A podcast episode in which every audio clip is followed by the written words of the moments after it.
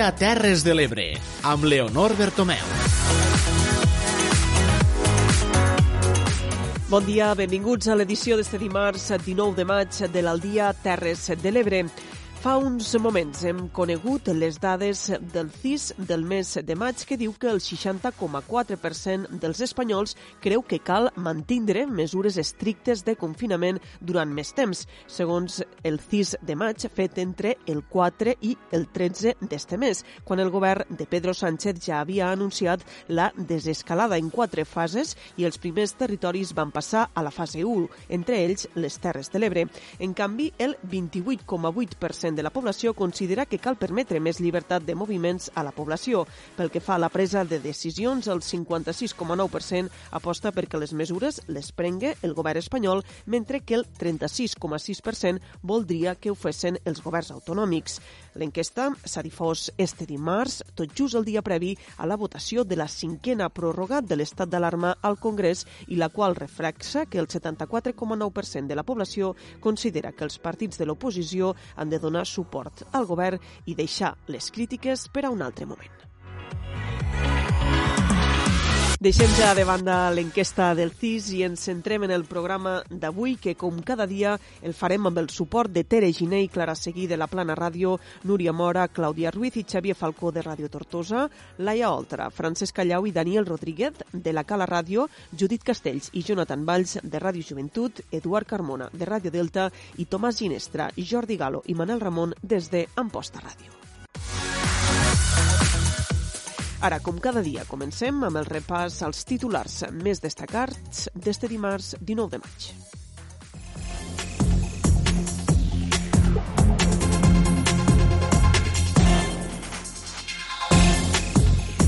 El Consell Comarcal de la Terra Alta aprova la moció en rebuig a la planificació de noves centrals eòliques a la comarca i acorda sortir del programa País Viu de la Generalitat de Catalunya. Les preinscripcions per a l'educació infantil, primària i l'ESO per al pròxim curs comencen a fer-se de manera presencial avui dimarts. La UGT desmenteix el delegat del govern i assegura que les places de guaites forestals s'eliminen i se'ls ofereix només faena per a tres mesos.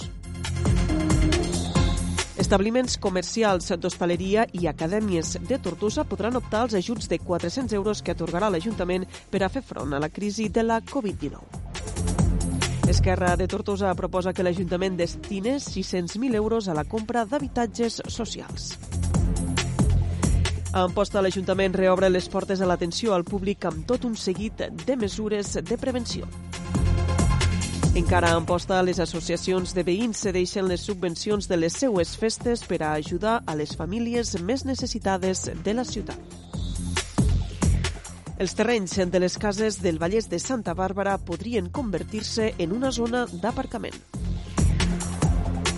Encara ens quedem a Santa Bàrbara, ja que l'Ajuntament destina 107.000 euros a la reforma integral de la llar de jubilats. Pel que fa a l'àmbit de la cultura, Literàrum Mora d'Ebre accepta el repte d'oferir una edició exclusivament en digital. I acabem, les festes de Sant Pere d'enguany de l'Ametlla de Mar es suspenen. Estos són els titulars d'avui dimarts 19 de maig. Ens posem tot seguit a l'Aldia Terres de l'Ebre a ampliar tota la informació.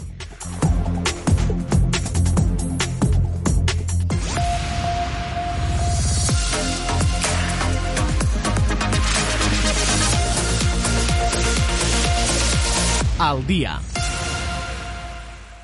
Obrim portada informativa al dia Terres de l'Ebre. El Consell Comarcal de la Terra Alta ha aprovat este matí en sessió plenària extraordinària una moció de rebuig a la planificació de noves centrals eòliques a la comarca. Cal recordar que en ple estat d'alarma s'han presentat cinc nous projectes de centrals eòliques a la comarca que afecten els municipis de Batea, Gandesa, Corbera d'Ebre, Vilalba dels Arcs i la Fatarella, que se sumen a les dues centrals presentades a principis del mes de març al terme del Pinell de Brai Clay. En total es planifiquen 52 aerogeneradors nous. En la moció aprovada avui fins i tot s'ha acordat la sortida de la Terra Alta del programa País Viu, País d'Oportunitats, fins que no es revestisca la situació, si bé en este punt s'hi ha desmarcat el grup de Junts per Cat de la Terra Alta. Per parlar sobre este posicionament del Consell Comarcal de la Terra Alta tenim a l'altra banda del fil telefònic a la presidenta del Consell, Neus Sant Romà. Bon dia. Hola, bon dia. El posicionament de la comarca ha estat clar i unànim, rebuig total a noves implantacions eòliques a la Terra Alta. Sí, clar, eh, bé, no partim d'una base que no partim de zero, per tant la implantació eòlica a, a la Terra Alta a dia d'avui ja és prou important, ja venim d'una moció aprovada al desembre del 2018 demanant que ja no hi hagués més implantacions perquè consideràvem que ja tenim massificació eòlica i ara, com tu bé has dit, ens trobem en nous parcs, en noves instal·lacions eòliques programades eh, en desconeixement dels, dels ajuntaments implicats, en aquest cas, en quant a termes municipals. Arran d'això, doncs, els grups d'Esquerra, la FIC, Entesa, Alternativa per Vot i UPTA han presentat aquesta moció que avui s'ha aprovat al Consell Comarcal. Ara ho comentaves, no?, que en ple estat d'alarma s'han presentat estos cinc nous eh, projectes de centrals eòlics a la comarca, un, procés, un procediment que s'ha fet totalment d'esquenes als ajuntaments. Sí, bueno, suposo que ve tot arran del nou decret llei. Eh, evidentment, els tràmits han canviat i bé, eh, de fet, ens hem enterat els ajuntaments s'han enterat per publicacions, per publicacions als portals webs de la Generalitat i en cap moment s'ha tingut eh, coneixement des, de, des, de, des dels departaments cap, a, cap als ajuntaments implicats i també s'han enterat perquè les empreses promotores ja s'han anat posant en contacte amb veïns de la comarca i, i clar, això genera una preocupació important perquè sense tindre informació eh, anar les promotores a, a propietaris de finques de forma particular ja eh, pues evidencia que les coses tiren endavant tot i un estat d'alarma i tot i la paralització de procediments administratius. Quines garanties tenen que es puguen aturar la tramitació d'aquestes noves centrals? Bueno, garanties, eh, pues, mm, no n'hi ha moltes, però des de la Terra Alta, des del posicionament polític, eh, el que volem fer evident és que la Terra Alta ja no vol més instal·lacions, per això s'ha aprovat per unanimitat el punt número 1, en què s'exigeix que no vingui cap instal·lació eòlica més a la comarca. Jo crec que, que s'ha de tindre en compte la voluntat del territori i el que demanem és un reequilibri en quant a la resta de país. No estem dient que estem en contra de les energies renovables, ni molt menys. El que estem dient és que eh, nosaltres estem aportant una part important d'energia eòlica, de producció d'energia eòlica. Demanem que hi hagi un reequilibri, que hi hagi equitat i que se repartisca aquesta instal·lació de nous aerogeneradors per la resta del país, perquè entenem que nosaltres, de moment, hi estem aportant suficient en quant a, en quant a generació d'energia de, de, a nivell de Catalunya. Un dels punts de la moció i un dels més polèmics eh, també és la sortida de la Terra Alta del programa Catalunya País Viu. Per què prenen aquesta decisió? Bé, en, en País Viu hem tingut dues reunions. Una primera reunió on va haver alcaldes de, los, alcaldes de, los alcaldes de la comarca i representants del Consell Comarcal se van a, a Barcelona a, a parlar amb el molt honorable president de la Generalitat. Allí es va traslladar que dintre dels eixos que programaven per a teixir eh, nous projectes socioeconòmics de regeneració d'economia a la comarca, un d'ells passava per no implementar més eh, instal·lacions d'aerogeneradors perquè era una mica contradictori al model de creixement socioeconòmic que s'estava plantejant. Posteriorment, representants del País Viu van vindre aquí a la comarca i aquí hi haver, va haver una reunió molt més àmplia en agents econòmics del territori i en associacions de, de, del territori i allí es va tornar a deixar ben evident que la voluntat era que no hi hagués més implantació eòlica i que no hi volíem cap més parc eòlic. Mos va dir que sí, que se mos escoltava i que, evidentment, això sí era el que volíem.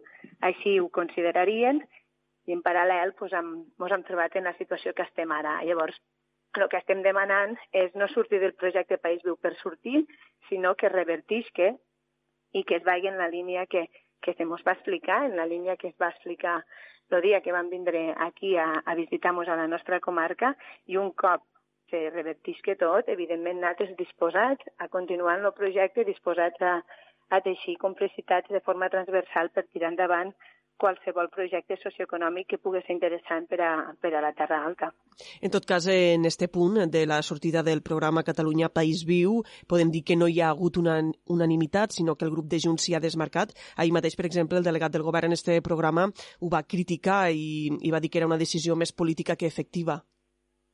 Bé, bueno, cadascú té, té el dret d'opinar i de dir el que realment creu, creu oportú, però el que és evident és que aquí se mos va dir que si nosaltres no volíem més eh, implantació eòlica, que no tindríem més implantació eòlica, i no ha sigut així, sinó si, a més a més, s'està tramitant aquesta implantació eòlica a esquena de comunicar a qualsevol ajuntament i a qualsevol administració pròpia del territori. Per tant, és d'això del que ens queixem. O sigui, estem disposats a treballar, disposats a, a fer efectiu qualsevol el projecte, qualsevol acció per tirar endavant la comarca, però aquesta no és la manera de funcionar i nosaltres creiem en un projecte, entenem que si se mos ve a escoltar, se mos té que escoltar i entenem que si se mos diu que, que no es tirarà avant allò que nosaltres no volem, no té sentit que per un altre costat se vagi tirant avant justament el que nosaltres havíem reivindicat que no volíem. La, la crítica és esta si es vol fer una lectura política que se, la fa, que es faci, cadascú és, és molt lliure de, de, de creure el que, el, que, el que vulgui, evidentment. El Consell Comarcal de la Terra Alta s'ha sumat també al front, que, al front comú dels quatre Consells Comarcals de les Terres de l'Ebre contra la supressió dels serveis de guàrdies forestals. Sí, mira, justament la, la nostra comarca ha patit incendis importants, ha patit incendis que han acabat en, en malauradament en, en registre de, de morts, de morts de professionals, i entenem que els punts de guaita són uns punts completament imprescindibles que, evidentment, poden ser complementats per, per tecnologia, poden ser complementats per càmeres, però tindre una persona en un punt que et comunica en aquell moment en tota certesa on està ubicat el foc i quina és la forma d'accés possiblement més fàcil per a, per a arribar a solucionar i apagar l'incendi el més prompte possible. Creiem que és una peça clau i, i molt important. A la vegada també pensem que moltes vegades la falta de cobertura també pot ocasionar que, que les comunicacions cap al 712 no siguin efectives i entenem que és una, bueno, és una necessitat en la, en la gran massa forestal de la que disposem tindre punts de guaita que puguen anar controlant que tot estigui d'acord, en eh, bueno, sense cap mena d'incendi ni cap incident. La comarca de la Terra Alta és una de les menys afectades per la Covid-19. Com estan vivint de, des de la comarca, des de les diferents poblacions, aquest estat d'alarma per la pandèmia del coronavirus? Bé, ho estem vivint doncs, com des de l'inici, estem treballant de forma curosa, de forma coordinada entre, entre el Departament de Salut, el Departament d'Afers Socials pel que fa al tema de serveis socials, estem molt coordinats en tot el tema d'informació a nivell de municipis. Els municipis contínuament estan informant a la ciutadania. Sí que hem entrat en una fase en la que podem tindre una mica més de, de llibertat de moviment, però sempre prenent les precaucions necessàries atenent a les recomanacions que ens arriben des de salut i, i no baixant la guàrdia, perquè, bueno, de moment continuem mantenint uns índexs de, de positius de Covid molt, molt baixos i això, bueno, ens dona una certa tranquil·litat, però no ens hem de relaxar. Quines previsions eh, turístiques, per dir-ho així, tenen per aquest estiu a la comarca de la Terra Alta, tenint en compte que és una destinació poc massificada i una destinació de turisme rural?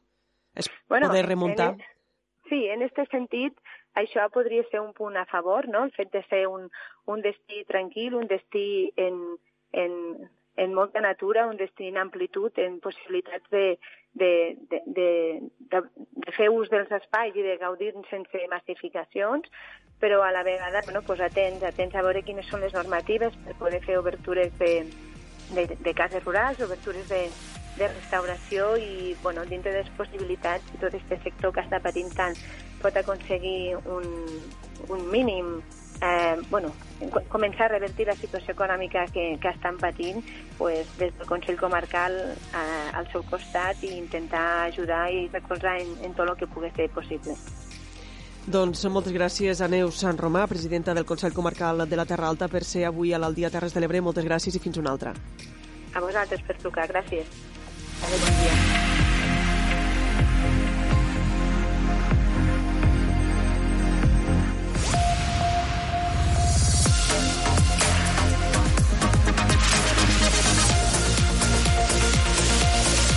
Al día. Seguim en directe al dia a Terres de l'Ebre repassant l'actualitat. Les famílies amb fills i filles que accedeixin per primer cop a primària o secundària podran fer el tràmit de forma presencial a partir d'avui a les secretaries dels centres. Això sí, demanant abans cita prèvia. La data límit per fer-ho és fins divendres. Ens informa des de la Cala Ràdio Francesc Callau. El període de presentació de sol·licituds va començar dimecres passat de manera telemàtica. Per donar facilitats, aquesta setmana s'ofereix la possibilitat de fer-ho presencialment. A la Mella de Mar, per exemple, la directora de l'Escola Sant Jordi, Fàtima Garcia, ha insistit que es faci el tràmit per garantir tres línies de P3 el curs vinent. Si encara no ho heu fet, eh, podeu trucar encara al telèfon de l'escola 977 45 64 80 i us donarem hora per venir a l'escola a realitzar aquesta preinscripció. És molt important que abans del 22 de, de maig estiguin totes les preinscripcions realitzades, ja que ens permetrà disposar del nombre real d'alumnes i tenir els, els tres grups que en principi ens toquen per al curs vinent de, de P3. El llistat amb la documentació que es necessita per fer la preinscripció es pot descarregar al web queestudiar.gencat.cat, on també es pot trobar la sol·licitud per fer el tràmit telemàticament. La setmana vinent començaran les preinscripcions pels estudis de batxillerat. Més qüestions. La UGT ha contradit el delegat del govern a les Terres de l'Ebre, Xavier Pallarès, i ha assegurat que el govern eliminarà les places de guaita forestal i que només se'ls oferiran tres mesos de feina i no d'un any com a ajudants d'ofici forestal. Ens informa Núria Mora. El delegat del govern al territori va posar en dubte l'eficiència de la tasca dels guaites forestals i va anunciar que davant la supressió dels punts de vigilància la Generalitat els havia ofert feina durant tot l'any fruit d'un acord amb els sindicats. En un comunicat, la UGT nega l'existència de cap acord i sosté que les 96 places de guaites reconegudes a Catalunya desapareixen totes i s'amortitzen. Els responsables dels sindicats sostenen que no han vist els informes de bombers ni de Forestal Catalana, als quals quals Xavier Pallarès va al·ludir per justificar la supressió dels guaites forestals. Entre d'altres, va esmentar com a arguments la poca eficiència de la seva tasca, la priorització de la vigilància amb helicòpters o la necessitat d'invertir per millorar l'actual deficient estat de manteniment de les torres de guaita. El sindicat UGT retreu a la Generalitat que hagi deixat de fer el manteniment a les torres, mentre que administracions com la Diputació de Barcelona les manté en perfecte estat i no n'ha tancat mai cap. També recorden que l'acord no parla de dificultats de manteniment i sí, en canvi, de la substitució dels guaites per trucades de mòbil de particulars al 112. Perquè això funcioni, segons el sindicat, hi ha d'haver algú que estigui suficientment a prop i tingui cobertura, perquè si no és així, diuen, es cremarà tota la massa forestal. La UGT també ha mostrat la seva sorpresa davant l'anunci que els guaites que així ho volguessin es podrien integrar al GPIF del Departament d'Agricultura quan actualment es troben dins de la Direcció General d'Emergències del Departament d'Interior. Ara se'ls proposa continuar la majoria com a ajudants d'ofici forestal també tres mesos a l'any. Obrim ara crònica municipal a l'Aldia Terres de l'Ebre. L'Ajuntament de Tortosa atorgarà ajuts de 400 euros als establiments comercials de restauració i acadèmies que han hagut d'aturar la seva activitat durant l'estat d'alarma per l'emergència del coronavirus. És una de les mesures que el consistori posa en marxa per pal·liar la crisi econòmica al municipi. Ens informa de nou Núria Mora des de Ràdio Tortosa. L'equip de govern municipal de Tortosa ha acordat habilitar una partida d'entre 350 i 400.000 euros per destinar-la a subvencionar empreses amb activitats en l'àmbit del comerç, l'hostaleria, el turisme i l'educació de Tortosa, que s'han vist obligades a tancar els seus negocis durant l'estat d'alarma. L'objectiu és ajudar aquestes empreses a fer front a les despeses que han tingut en conceptes tan diversos com lloguers, autònoms, digitalització, mesures de protecció, subministraments o màrqueting, entre d'altres. Cada empresa podrà optar a un ajut de 400 euros. L'alcaldessa de Tortosa, Meritxell Roger, ha posat de relleu que és la primera vegada que es destina una quantitat tan elevada a una subvenció. És una subvenció que este nivell de subvenció l'Ajuntament de Tortosa no l'havia fet mai a nivell de res, de cap altra entitat ni associació de la ciutat. Per tant, és una quantia que és molt i molt elevada, però que entenem que era necessari per part de l'Ajuntament poder fer aquestes ajudes tenint present el nombre d'autònoms, de comerços, de, de tot l'àmbit de la restauració, de l'hostaleria, com dic, que han tingut que, que tancar al llarg d'aquest període de forma no voluntària, sinó per la situació d'estat d'alarma i que ara ja han pogut tornar a obrir, per tant, es pugui posar este granet d'arena per part nostra per tal d'ajudar-los amb una part de les seues despeses. D'altra banda, l'equip de govern proposa la derogació de la taxa d'ocupació de la via pública per terrasses de bars i restaurants pel que queda d'any 2020. També es modificarà la taxa d'escombraries comercials i no es cobrarà d'ofici l'import corresponent als dos mesos i mig que han estat aturades les activitats comercials i de restauració. L'Ajuntament de Tortosa deixarà d'ingressar 170.000 euros en concepte de taxa d'escombraries. Aquestes mesures es portaran a aprovació en un ple extraordinari que es celebrarà la setmana que ve al consistori tortosí. I ens quedem encara a Tortosa, ja que el grup municipal d'Esquerra Republicana proposa que l'Ajuntament destine 600.000 euros a la compra d'habitatge social. És una crònica de Clàudia Ruiz. Els republicans han presentat aquest paquet de mesures amb la intenció de complementar les ja posades en marxa per l'actual equip de govern. Posen èmfasi en la necessitat de donar suport a les famílies més vulnerables de la ciutat. Per això demanen augmentar en 30.000 euros més el pressupost destinat a l'ajuda alimentària de tiquets fresc i augmentar el nombre de treballadors al Departament de Serveis Socials per tal d'actuar el més ràpid possible. El portaveu del partit, Xavier Faura, proposa més adquirir fins a 30 habitatges per destinar-los a lloguer social. Demana una inversió de 600.000 euros. Diu que aquests es podrien adquirir de la previsió de despesa per l'ampliació del teatre auditori. L'equip de govern ens va plantejar, en aquest cas, l'equip de, de Junts per Tortosa, ens van plantejar una despesa de 1.750.000 euros per la construcció de l'ampliació del Teatre Auditori Felip Pedrell. Entenem que en aquests moments és més important donar vivenda a aquella gent necessitada que no iniciar obres que sent importants, de vegades pues, no, no tenen la urgència que, que, que marca la necessitat de dotar d'habitatge aquelles persones que no tindran sostre o que poden quedar sense sostre.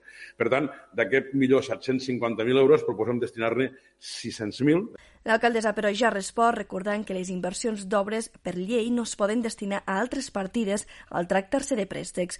Roger diu que ja s'hi treballa amb la Generalitat per disposar d'habitatges per a lloguer social sense el cost elevat que proposen des d'Esquerra Republicana. Pel que fa a la via pública, els republicans aposten per ampliar les zones de vianants i ciclistes. Demanen que, a més, aquests estiguin marcats per itineraris que eviten les aglomeracions. Esquerra Republicana aposta més per donar un cop de mà al comerç local que s'ha vist obligat a aturar la seva activitat. Ho volen fer a través de subvencions i proposen que aquests ajuts sorgeixen d'una part de les despeses previstes d'esdeveniments cancel·lats com l'Expo Ebre. Finalment, demanen que els comerços que no puguen obrir el seu petit establiment tinguin permís, com els bars, per sortir a vendre al carrer a Montaulell. I de la capital del Baix Ebre anem ara a la capital del Montsià. L'Ajuntament d'Amposta ha reobert avui l'atenció al públic amb mesures que garanteixen la distància de seguretat i les mesures de protecció. L'horari serà de 9 a 1 i serà obligatori l'ús de mascareta. Ens informa Manel Ramon. Doncs així és, efectivament, l'Ajuntament d'Amposta reobre avui dimarts eh, l'atenció al públic amb l'objectiu de garantir, això sí, la seguretat de la ciutadania. La reobertura es farà de 9 a 1 i serà obligatori l'ús de mascareta per accedir a les dependències municipals. Per als tràmits de registre general no caldrà cita prèvia i es farà a l'Oficina d'Atenció a la Ciutadania, ubicada al vestíbul de l'Ajuntament.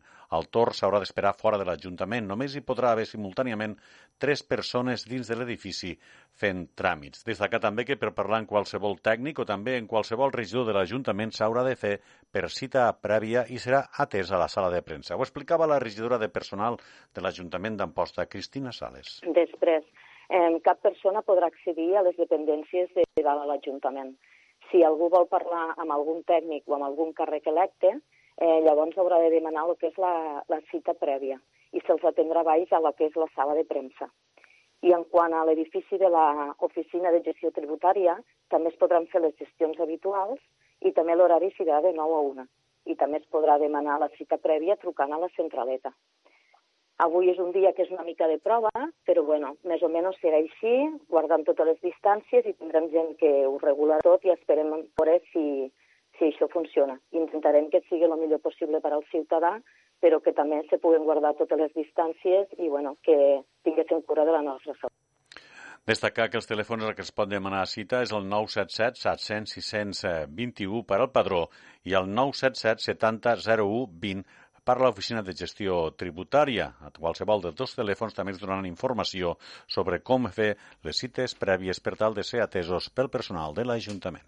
I mantenim línia oberta amb Amposta. Les associacions de veïns dels barris de la ciutat han decidit suspendre les seues festes i cedir les subvencions que reben a diferents accions de recolzament a les persones més desafavorides. Manel Ramon.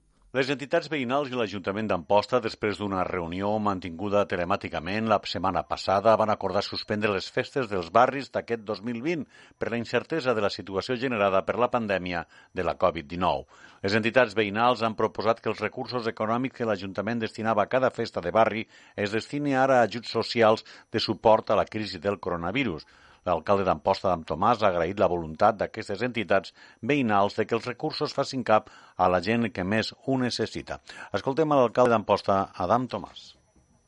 Sí, això va ser un acord en les mateixes entitats, van dir que no, que no ho ven, ens van demanar això sí, poder destinar els recursos a, a, a diferents causes que ells mateixos escolliran. És a dir, la, doncs, la, les Quintanes va fer una proposta, no? l'acollidora en té una altra, nosaltres no, en això cap problema i, bueno, i és cert, i ara pues, cal veure què farem en, en les festes d'agost.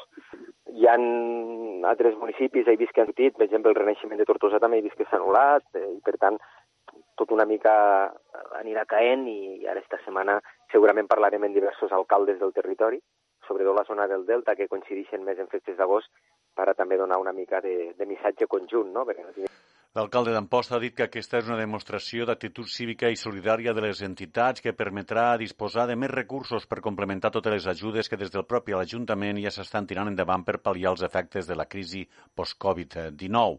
Les entitats veïnals que van participar a la reunió van ser les associacions de veïns del centre, de la vila, del Grau, de l'Acollidora i de les Quintanes. Fa uns dies els explicàvem a l'Aldia Terres de l'Ebre que el sector gastronòmic de la Ràpita, juntament amb l'Ajuntament, feia una passa endavant per potenciar-se amb les jornades gastronòmiques a domicili, una iniciativa que ha tingut una molt bona rebuda tant pel sector com pels clients. És una crònica de Judit Castells.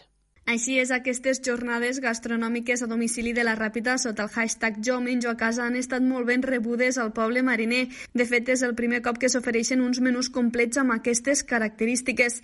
Parla Imma Llançola, gerent del restaurant Llançola i presidenta del col·lectiu de cuina de la Ràpita. Ha sigut un impuls molt bo per part de l'Ajuntament nostre, d'aquí de la Ràpita, perquè, a veure, estàvem una mica tots molt parats no, no, no podem mai arribar al, al, al punt que quan estem oberts, m'entens?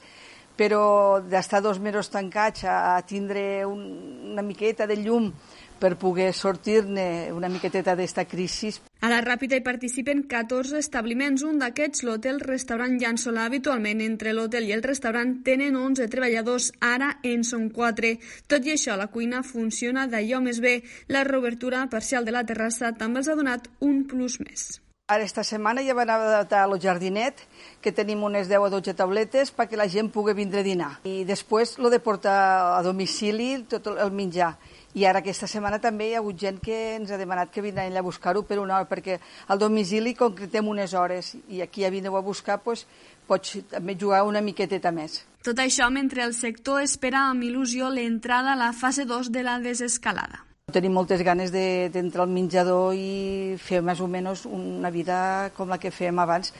Eh, si en vez de tindre 40 taules ne tenim 20, bueno, pues ja mos va bé, ojalà s'ompliguessin tots els dies, no? La recuperació total, però, serà lenta.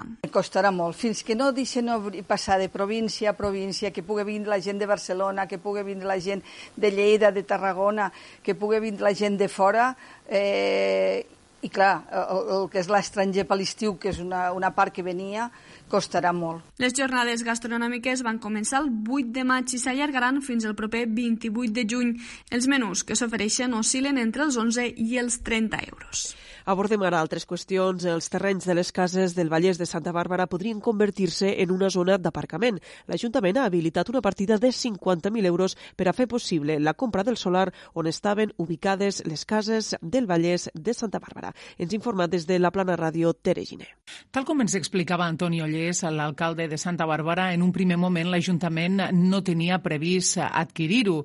De fet, va sol·licitar als propietaris poder fer una sessió d'aquests terrenys per destinar-ho a zona d'aparcament. L'escoltem. Però allí quedarà un solar mmm, bastant gran, de quasi 400 metres quadrats, a una zona que pràcticament no, no hi ha aparcament, no hi ha espais eh, lliures, i clar, nosaltres vam, ofer, vam oferir a la, a la, als propietaris, que això és una, és una mobiliària que, una mobiliària que pertany, que pertany a un banc. Eh?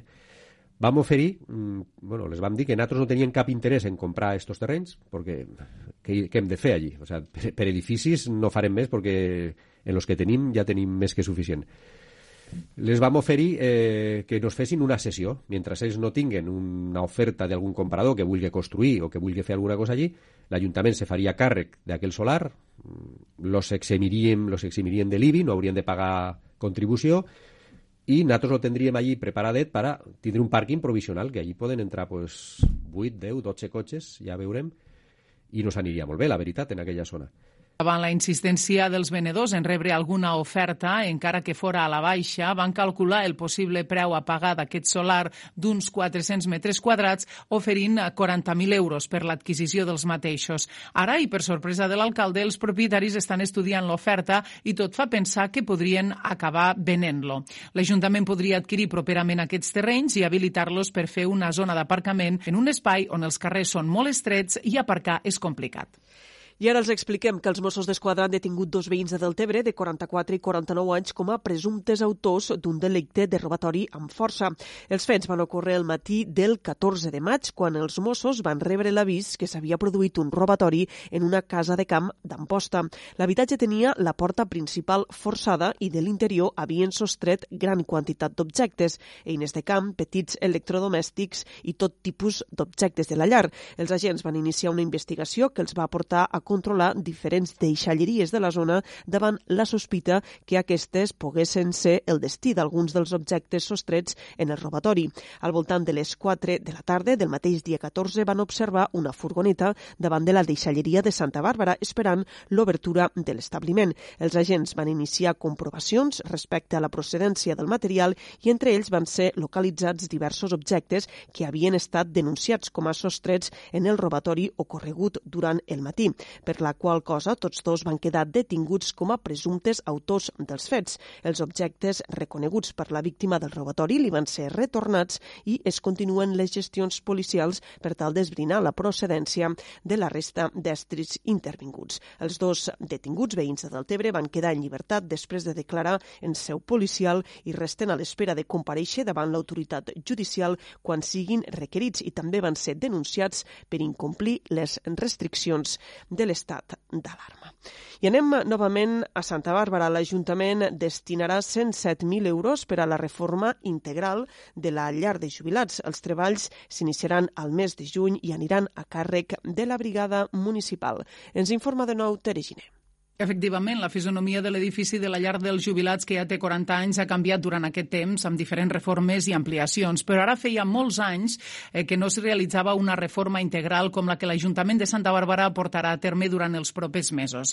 Tal com ens explicava la regidora de Serveis Socials, eh, Anna Panicello, a finals d'any es va fer un canvi amb la concessió del bar, encarregant-se actualment de la gestió Can Llorenç. L'Ajuntament, aleshores, ja va realitzar el manteniment necessari a la zona de cuina i també va decidir fer una reforma per tal de condicionar espais comuns. Per sort, eh, en, tenim que anar modernitzant-nos i ampliant perquè hi ha moments, hi ha festes en què és, la capacitat és justa i hi ha gent que hi voldria assistir i de moment no pot pensant en que necessita una millora, anem a fer un canvi important. Una de les actuacions més importants eh, és la que fa referència al subministrament elèctric. Eh, fins ara, l'Smart Centre, la llar dels jubilats i la llar d'infants eh, tenien alguns espais de subministrament compartit. Què passa? Que les necessitats han anat canviant i el que veiem és que el millor és que cada un se regisque pel seu subministre. I aquesta és la intenció, aprofitant de fer tota aquesta millora, separarem, cada un tindrà el seu subministre propi. La llar d'infants tindrà el seu, millorarem la llar de jubilats i serà autònoma totalment i l'Smart Centre també Per tota aquesta reforma integral, l'Ajuntament va fer una previsió de 67.000 euros al pressupost, ara incrementats amb 40.000 de romanent de tresoreria. Està previst que les obres comencin al mes de juny i que a partir del setembre ja es pugui oferir el servei amb tota normalitat.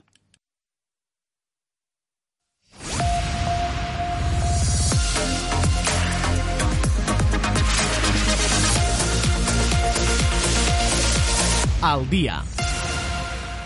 Ens ocupem ara de la informació cultural. La nova edició de la Fira Literarum Mora d'Ebre es manté en peu i accepta el repte de fer arribar la cultura a totes les llars. Les activitats i els espectacles es programen per oferir-los en format digital. És una crònica de Clàudia Ruiz. L'organització va tenir sobre la taula la possibilitat de cancel·lar l'edició d'aquest 2020 davant la incertesa de poder-la realitzar. Tot i això, han preferit treure d'aquesta crisi una oportunitat per replantejar el projecte que agafa el nom de Literarum Digital 2020. Entre els dies 28 i 31 de maig es duran a terme la programació íntegrament online a través del programa de reproducció en línia Watchity, una aposta que el director de la fira, Albert Pujol, ha dit que ha arribat per quedar-s'hi però sobretot tenim molt clar que volem tirar endavant una activitat amb el literari digital que no només sigui per la situació del 2020, sinó que quedi per a les properes edicions, 2021 i endavant, com una part més del literari presencial. I així eh, tots els beneficis que ens donarà aquesta edició 2020 i totes les errades i moments no tan, com, no tan fàcils que haurem après els podem aplicar a partir d'ara sempre dins del literari Mora d'Ebre perquè creiem que serà una molt bona manera de fer arribar la literatura catalana a escena a moltíssima més gent i això, al final, és el nostre gran objectiu. La programació inclou les tradicionals activitats com les taules rodones o recomanacions literàries. Enguany també s'hi podran visualitzar 10 espectacles literaris destinats a programadors i públic familiar, amb els autors Josep Carné i Joan Perucho com a protagonistes. Al final de cada actuació es permetrà obrir un debat entre els artistes i els programadors. El director de la Institució de les Lletres catalanes, Oriol Ponsat i Murlà, diu que l'edició d'enguany esdevindrà un gran aparador d'espectacles digitals. Quan a poc a poc anem reprenent la normalitat i tornin a obrir les biblioteques, i tornin a obrir les llibreries, i tornin a obrir els petits teatres i els equipaments culturals, és bàsic que trobin una oferta d'espectacles literaris per poder incorporar les seves programacions fins i tot potser encara que alguns d'aquests eh, programadors hagin d'acollir-se també a l'opció digital al llarg dels propers mesos, el que estem garantint és que tindran un mostrari, tindran un aparador digital d'on veure idees, d'on agafar projectes, L'organització està convençuda que aquesta edició pionera es trobarà en el punt de mira de molts altres festivals que s'hi voldran emmirallar. Aquesta edició digital també permetrà celebrar la Fira del Llibre Ebrenc de forma virtual amb les presentacions de les novetats de la mà de llibretes i biblioteques del territori. També es podran adquirir aquestes obres a través d'una aplicació que substituirà la tradicional carpa de llibres. I davant la situació d'alerta sanitària pel coronavirus, la Confraria de Pescadors de la Mella de Mar ha decidit anul·lar tots els actes previstos en les festes d'estiu, eh, previstos per als pròxims 29 de juny. Ens informa Francesc Callau. La decisió va ser presa aquest dilluns per unanimitat en una reunió extraordinària del capítol de la confraria. Una decisió que, tal com apunta el patró major Miquel Brull, ha sabut molt greu de prendre, però que era lògica d'acord amb el context. Sí, la decisió va ser unànime tots tots vam tindre la, la, la mateixa opinió i bueno, ja està. És cert que Tarragona i penso que Cambrils també també ens els actes. Jo crec que és la, encara que mos, sap molt de greu, crec que pues, bueno, són les festes dels pescadors i són les segones festes del poble, però jo crec que lo, lo normal i, i, i lo correcte és, és no, no exposar-nos i, per tant, anul·lar tots els actes que, que, que havíem previstos. La confraria, però, no descarta poder fer algun acte més endavant. Les festes en honor al patró dels pescadors són organitzades amb el suport de l'Ajuntament, que també ha lamentat que s'hagin de suspendre, però creient que és la decisió més encertada.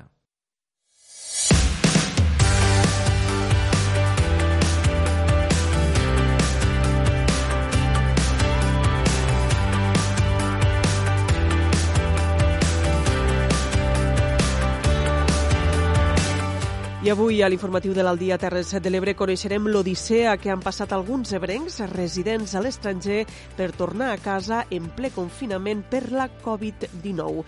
És un reportatge de la nostra companya Judit Castells. La crisi sanitària mundial per la Covid-19 ha obligat a brencs i brenques residents a altres països a tornar a casa seva davant la incertesa que ha generat aquest virus i la seva gestió que ha obligat a confinar països sencers. Escoltem l'experiència d'Aroa Garcia, veïna d'Amposta, Pau Rodríguez, veí d'Amposta, Ariadna Villalbí, veïna també d'Amposta, i Núria Messeguer, veïna de la Sènia. Quan això del virus va començar, jo estava als Estats Units viatjant amb una amiga jo feia dos anys quasi que, que vivia a Washington DC. Soc professor de clarinet a la Fundació Barenboim Said. Um, faig classes a xiquets palestins a Ramallah. Allí el confinament va començar una setmana abans que aquí i immediatament tots els centres educatius van, van tancar. Vaig començar a fer les classes online. I actualment estic estudiant al Canadà i el meu curs eh, va de setembre a juny, per tant no havia de venir fins al juny, però eh, degut al coronavirus van parar les classes cap a principis de març. Jo estava a la Índia, portava treballant a la Índia sis mesos, estava de voluntària a la Fundació Vicenç Ferrer i quan va esclatar tot això del coronavirus me trobava a Rishikesh. Vam tindre que anar al món de Rishikesh l'últim dia que, que ja podíem, se podia moure la gent per Índia vam fer cap a Delhi i a Delhi vam estar esperant un avió durant 8 dies. El govern espanyol no enviava cap avió i finalment vam aconseguir un bitllet en un avió de repatriació del govern finlandès. Vam fer Delhi-Helsinki, Helsinki-París i París-Barcelona i finalment vaig arribar a casa. Quan vaig decidir no hi havia vols, estaven tots cancel·lats. Afortunadament vaig trobar un vol anomenat de rescat que era simplement per aportar persones espanyoles i franceses al seu país d'origen. Entre Cisjordània i, i Israel hi ha un muro, hi ha un muro i hi ha uns checkpoints per a poder creuar. Només els estrangers i alguns afortunats palestins poden creuar. L'única opció que vaig tindre va ser que un cotxe oficial de l'ambaixada espanyola me recollís i em portés a, a l'aeroport. A partir de les 7 eh, de la tarda hi havia un toque de queda on no es podia sortir de casa, no es, pot, no es podia conduir als carrers i, i ells me van recollir passada aquesta hora perquè el meu vol era de matinada i jo crec que ens van parar 5 controls dins de Palestina i 5 controls a Israel. Trobar els vols em va costar una mica més de lo normal perquè alguns es podien comprar però després no sortien. Llavors el que vaig fer va ser trucar a l'ambaixada de Canadà, a l'ambaixada espanyola i a, a l'ambaixada d'Alemanya, en aquest cas, perquè en aquell moment jo l'únic que podia fer era anar de Canadà a Alemanya i després d'Alemanya a Barcelona. I llavors vaig comprar un vol, al final, a través de la companyia Air Canada, perquè me'n vaig enterar que de l'única manera que mm, me'n podia assegurar que el vol sortís era comprant un vol a la companyia del país. Jo tenia pensat volar a principis d'abril, però després de 4 o 5 vols cancel·lats o canviats vam acabar tornant el dia 16 d'abril. Els aeroports estaven completament buits i a la pantalla en surten tots els vols, n'hi havia màxim 3 o 4 i, i algun cancel·lat, quan normalment n'hi ha moltíssims, claro. Jo vaig fer escala a Londres i el vol de Londres cap a Barcelona encara anava mig ple, però el vol de Washington DC cap a Londres mmm, anava superbuit. Érem unes 10, màxim 15 persones. I, clar, un avió d'estos tan grans, internacionals, de tres files, on normalment caben 500 o més persones. El vol Air Canada de Toronto a Frankfurt. Va ser un vol com jo esperava, amb poca gent, i la veritat és que el que em va sorprendre més va ser que a l'arribar a l'aeroport de Frankfurt hi havia molt control, hi havia bastanta més gent que a l'aeroport de Toronto, i havia sentit que el màxim d'ocupació de l'avió era el 30%, però en aquell cas era un avió de tres seients i tres seients a cada costat i hi havia dues persones a cada costat. Un aeroport eh, fantasma on no hi havia ningú, només hi havia un vol en tot el dia, que era el nostre. Després, al pujar a l'avió, també va ser una mica agobiant veure tanta gent, no? assentada tan propera. Ens van obligar a, a tindre la mascareta posada tot el viatge a l'arribar a Barcelona ningú em va fer cap pregunta de, de si havia tingut febre, si, si m'havia trobat malament i em van medir la temperatura. Ningú em va preguntar ni d'on venia, ni si era del país, no hi havia cap control de seguretat, simplement vaig sortir de l'avió, vaig agafar l'autobús cap a Amposta. Ara, tant Pau com a professor de música i Ariadna com a estudiant continuen les seves classes online des d'Amposta. En el cas de Núria i Aroa, malgrat haver hagut de tornar abans per la crisi sanitària, ja gairebé havien acabat la seva estada a l'estranger.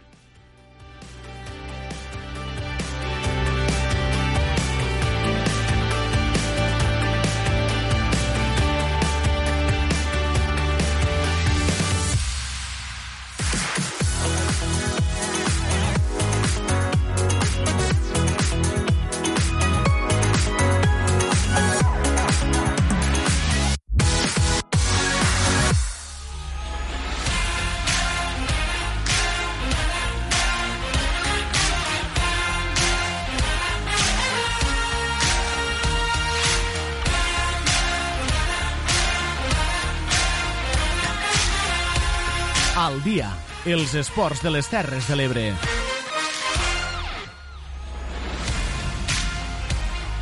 Temps ara l'informatiu de l'Aldia Terres de l'Ebre per a la informació esportiva que repassem en titulars.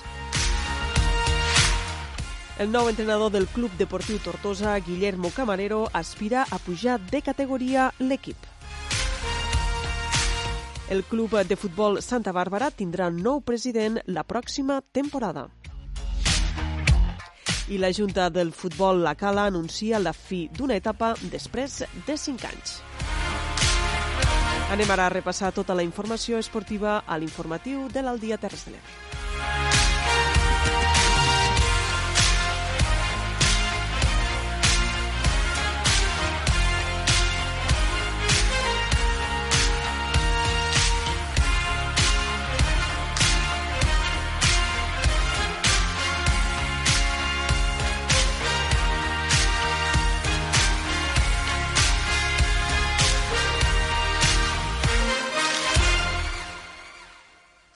Després de confirmar-se la seva arribada a la banqueta del Club Deportiu Tortosa, Guillermo Camarero ha valorat la incorporació a l'equip roig i blanc, el que espera tornar, segons ha dit, a la categoria on li pertoca. Ens informa des de Ràdio Tortosa, Vicky Magí. Guillermo Camarero, flamant nou tècnic del Club Deportiu Tortosa, ha valorat la seva incorporació a l'equip roig i blanc després del seu pas per un Gandesa que era el líder en el moment d'interrompre's la segona catalana, que es va donar per finalitzada posteriorment, i que està a l'espera de veure si la Federació Catalana confirma el seu ascens a primera catalana a finals de mes. Camarero, que tenia una oferta de renovació de l'equip terraltí, parla dels motius de la seva decisió. Realment aquesta, aquesta falta de saber molt bé on, on estaríem l'any que ve, de, de nivell directiu com se plantejarien les coses, ha fet eh, decantar-me per, pel projecte del Tortosa, juntament amb, amb la idea de que, de que aquí a, a la meva ciutat, que és Tortosa, tinc un repte per davant molt important, un repte ambiciós, que és tornar a Tortosa a les categories on crec que li pertoca. El tècnic tortosí també comenta com serà el proper projecte del Club Deportiu Tortosa.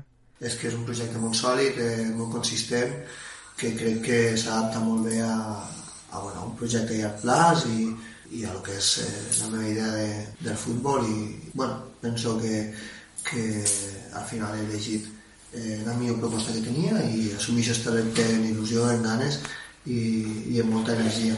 De moment, el Club Deportiu Tortosa, a més de l'arribada de Guillermo Camarero, també ha confirmat el fitxatge d'Ivan Gasparín, pivot defensiu i capità de la Unió Esportiva Rapitenca. I Silverio Marcos serà nou president del Club de Futbol Santa Bàrbara després que l'actual, Jordi Gisbert, anunciés que no seguiria al capdavant del Club Planer. Ens informa Clara Seguí. Efectivament, així ens ho confirmava aquest matí a la nostra emissora Jordi Gisbert. El Santa tindrà un nou president aquesta propera temporada, després que l'actual ja decidís a principi d'any la intenció de deixar-ho.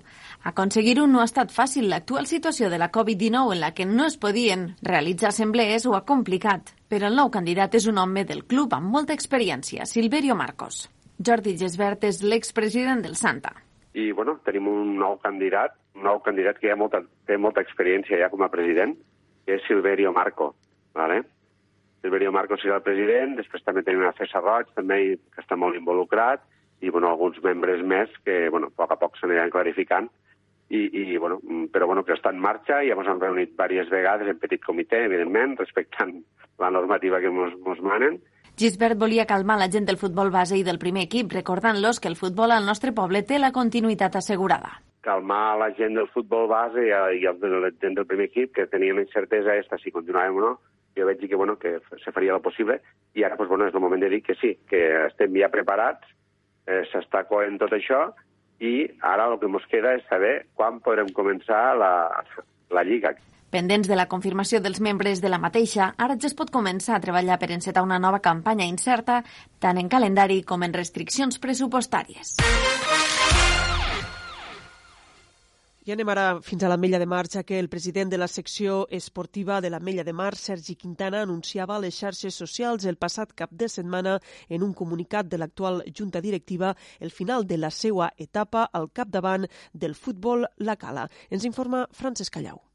Tot i que una part de la directiva té la voluntat de continuar, Quintana s'ha acomiadat de l'afició, satisfet per la feina feta en els cinc anys que ha estat al capdavant, fent balanç de la trajectòria de l'equip, de les activitats realitzades i mostrant-se satisfet de deixar el club sense deutes i havent recuperat la solvència econòmica. Un bon balanç, però, que s'ha vist truncat per les característiques del club, que fa que no es pugui créixer més, un fet que ha motivat el pas al costat d'una part de la Junta, segons explica Quintana. Quintana. Són cinc anys on s'ha treballat molt, s'han fet moltes coses i això cansa, eh, és una cosa que, o almenys jo, que m'agrada el futbol, la vius, te passes moltes hores al camp de futbol.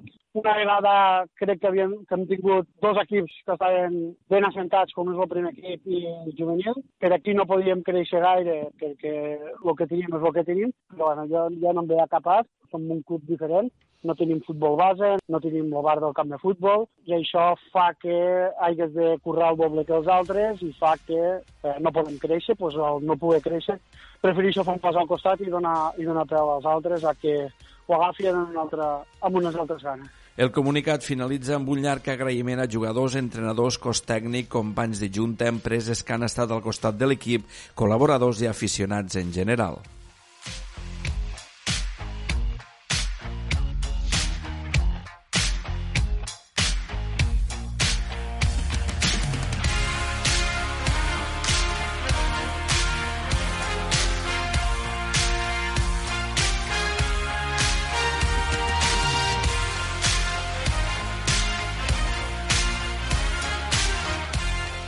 Per tancar l'informatiu de l'Aldia Terres de l'Ebre, una notícia d'última hora i és que els Mossos d'Esquadra van desmantellar a finals de la setmana passada de la setmana passada una plantació de 640 plantes de marihuana en una nau d'Horta de Sant Joan, a la Terra Alta. L'operatiu va permetre detenir quatre homes, dos vietnamites i dos anglesos d'entre 34 i 49 anys que ja han passat a disposició del jutjat de Gandesa i han quedat en llibertat amb càrrecs. Dos dels detinguts van ser interceptats quan sortien de la nau i els Mossos van comprovar que els altres dos vivien dins del magatzem en deficients condicions higièniques i sanitàries és buscar ara el llogater del magatzem, qui seria el principal responsable de la plantació.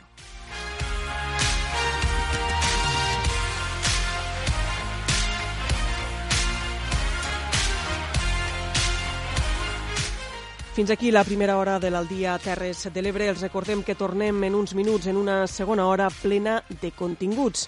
Parlarem d'educació a la secció de Poble en Poble. Anirem fins a Santa Bàrbara i també tindrem el nostre col·laborador habitual dels dimarts, Joan Agustí Ramírez. Això és tot. Ens retrobem en uns minuts.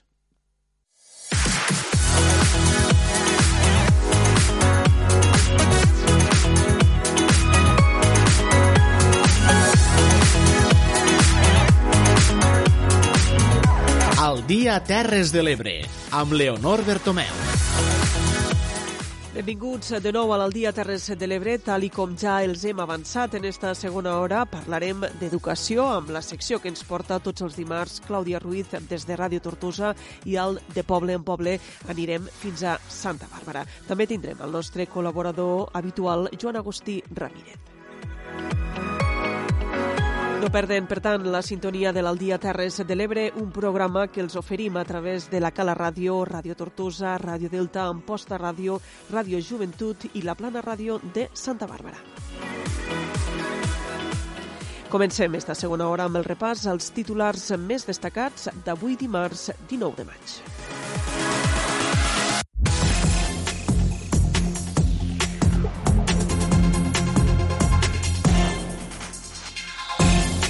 El Consell Comarcal de la Terra Alta aprova la moció en rebuig a la planificació de noves centrals eòliques a la comarca i acorda sortir del programa País Viu de la Generalitat de Catalunya.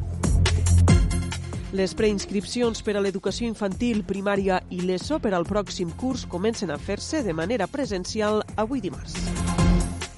Una notícia que pràcticament acabem de conèixer. Desmantellen una plantació de marihuana de 640 plantes en una nau d'Horta de Sant Joan. S'ha detingut quatre homes i es busca el llogater del magatzem com a responsable de la plantació. La UGT desmenteix el delegat del govern i assegura que les places de guaites forestals s'eliminen i se'ls ofereix només feina per a tres mesos. Establiments comercials d'hostaleria i acadèmies de Tortosa podran optar als ajuts de 400 euros que atorgarà l'Ajuntament per fer front a la crisi de la Covid-19. Encara a Tortosa Esquerra Republicana proposa que l'Ajuntament destine 600.000 euros a la compra d'habitatges socials. I a Amposta, l'Ajuntament ha reobert avui les portes a l'atenció al públic amb tot un seguit de mesures de protecció. Les associacions de veïns d'Amposta cedeixen les subvencions de les seves festes de barri per a ajudar a les famílies més necessitades de la ciutat. Els terrenys de les cases del Vallès de Santa Bàrbara podrien convertir-se en una zona d'aparcament. Encara a Santa Bàrbara l'Ajuntament destina 107.000 euros a la reforma integral de la llar de jubilats. I un titular de l'àmbit de la cultura, Literàrum Mora d'Ebre accepta el repte d'oferir una edició exclusivament en digital enguany.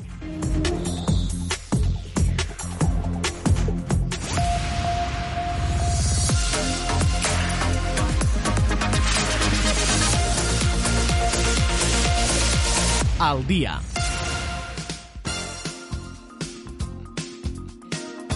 Dos de la tarda i set minuts, temps d'entrar en matèria al Dia Terres de l'Ebre. La psicòloga general sanitària Assumpta Arassa publicarà el llibre divulgatiu Cases de paper, un treball que sorgeix arran dels espais psicològics que durant esta temporada de la Covid-19 ha anat oferint en diferents mitjans i també al nostre programa del Dia Terres de l'Ebre. Avui Tere Gine entrevista a la psicòloga i artista planera. Avui anem a parlar-vos de Cases de paper. Cases de paper és el llibre d'eines psicològiques per l'autogestió de les emocions, eh, un llibre escrit per la psicòloga general sanitària Assumpta Arassa, la qual avui nosaltres volem entrevistar. De fet, ja sabeu que durant tot aquest temps de, que ens hem vist afectats per la Covid-19, des del primer dia ella ha col·laborat en diferents mitjans, també aquí amb la Plana Ràdio, eh, parlant-nos d'aquesta psicologia en temps de de coronavirus. I avui volem aprofundir amb aquest, eh, amb aquest llibre, Cases de paper. Assumpta, benvinguda i gràcies per acompanyar-nos. Molt bon dia. Hola, bon dia. Bé, primer que res, sí, sí que m'agradaria fer referència a que tu ets una persona que ets artista, que, que et dediques a, a, al món de la psicologia, però que també tens, no?, aquests... Eh, també sols escriure d'una manera habitual als mitjans de, de comunicació eh, per, a parlar de, per a parlar i opinar i fer articles de, de temes diversos. És a dir, que el tema d'escriure no és una cosa que et ve de nou. Eh, no, de fet, eh, a casa meva hi ha una persona que...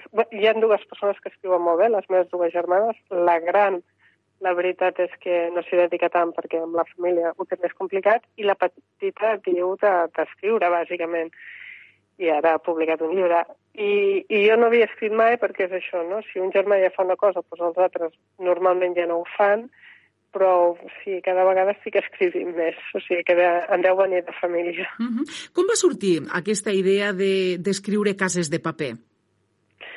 Aquesta idea va ser una mica el donar-me en compte de, de la situació en què ens anàvem trobant. O sigui, um, suposo que uh, és una cosa que m'ha passat a mi, però que ens deu haver passat a moltíssima gent, que primer, mm, això del coronavirus mm, ho veiem de lluny. Després arriba aquí també ho veiem de lluny. Després ens comencen a posar mesures, però no les entenem massa bé, perquè no entenem massa bé que pugui ser una problemàtica. O sigui, cada dia van canviant les coses. I arriba un punt que ens en donem compte que estem en un estat d'alarma i que ja no ens podem moure de casa i, i de cop i volta no, ens tanquen les escoles i aquí ja comencem a veure que, ui, aquí què està passant? Clar, jo com a psicòloga me'n dono compte que haig de tancar consulta, també ens diuen que hem de tancar consultes que en tot cas ho hem de fer a través de les xarxes, cosa que funciona una mica malament, la, la, la veritat. I a partir d'aquí, clar, jo el, els meus clients, de, avui per demà, haig d'aturar les, terà eh, les teràpies. Clar, puc anar intentant tranquil·litzar a un per un, però el que decideixo fer és que cada dia enviaré un WhatsApp. A través d'això hi ha una persona que em diu escolta, això hauries de fer, no sé quina cosa, quin muntatge per internet, perquè no l'acabo d'entendre jo l'internet a vegades, i diu, perquè així tothom hi pugui accedir. I dic, ostres, això està molt bé, però m'hauries d'ajudar a fer-ho. Clar, tot això es complica perquè actualment ja no pots anar al mateix lloc per fer les... Vull dir que tot es va complicant i és quan eh, tinc la, reu l'oportunitat de poder-ho fer a través dels de, mitjans de comunicació. I en aquí, en seguida, es presta la guaita i també l'Ebre Digital per fer un plurireportatge eh, per entomar els temes psicològics que, que podem estar tenint en aquests confinaments tan prolongats. A partir d'aquí comença a escriure tot un seguit d'articles sobre les problemàtiques que ens podem trobar, moltes relacionades amb ansietat i estats d'ànim eh, sobretot depressius. I clar, eh, el que mm, el confinament es continua allargant i llavors a partir d'aquí ja comença a haver-hi l'impacte econòmic. No? Ara ja, tothom ja comença a veure que això tindrà un impacte econòmic fort. Ja dic, eh, aquest virus ens ha, ha estat fent saltar d'unes idees a unes altres a unes altres, no? I ara estem veient això, l'impacte econòmic. Clar, al veure l'impacte econòmic, també, eh, jo com a persona, com a psicòloga, me n'adono que hi haurà molta gent que en sortir d'aquesta situació necessitarà eh, poder parlar amb un psicòleg, però no tothom s'ho podrà permetre.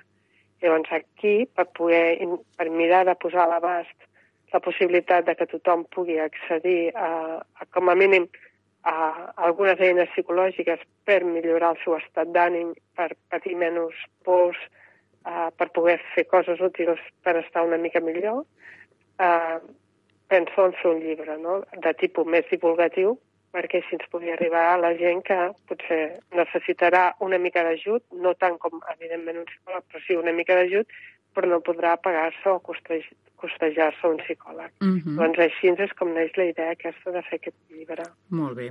El llibre del que avui n'estem parlant, eh, Cases de paper, com l'estructures aquest llibre? Què és el que expliques? Perquè mos has donat algunes, eh, doncs, l'angoixa, l'ansietat, els estats d'ànim, no? Són temes que segurament abordes, però eh, com l'estructures el llibre? Um, aquí, en, a veure, um, Bàsicament, dels articles que he anat escrivint, hi ha una primera part, que és bastant important del llibre, on eh, de manera divulgativa intento exposar una mica mm, la neuropsicologia, i a partir de la neuropsicologia, és a dir, explicar una mica com funciona el nostre cervell, què ens produeix i quines eines podem fer, quins exercicis pràctics podem fer per eh, millorar el nostre benestar psicològic. ¿vale?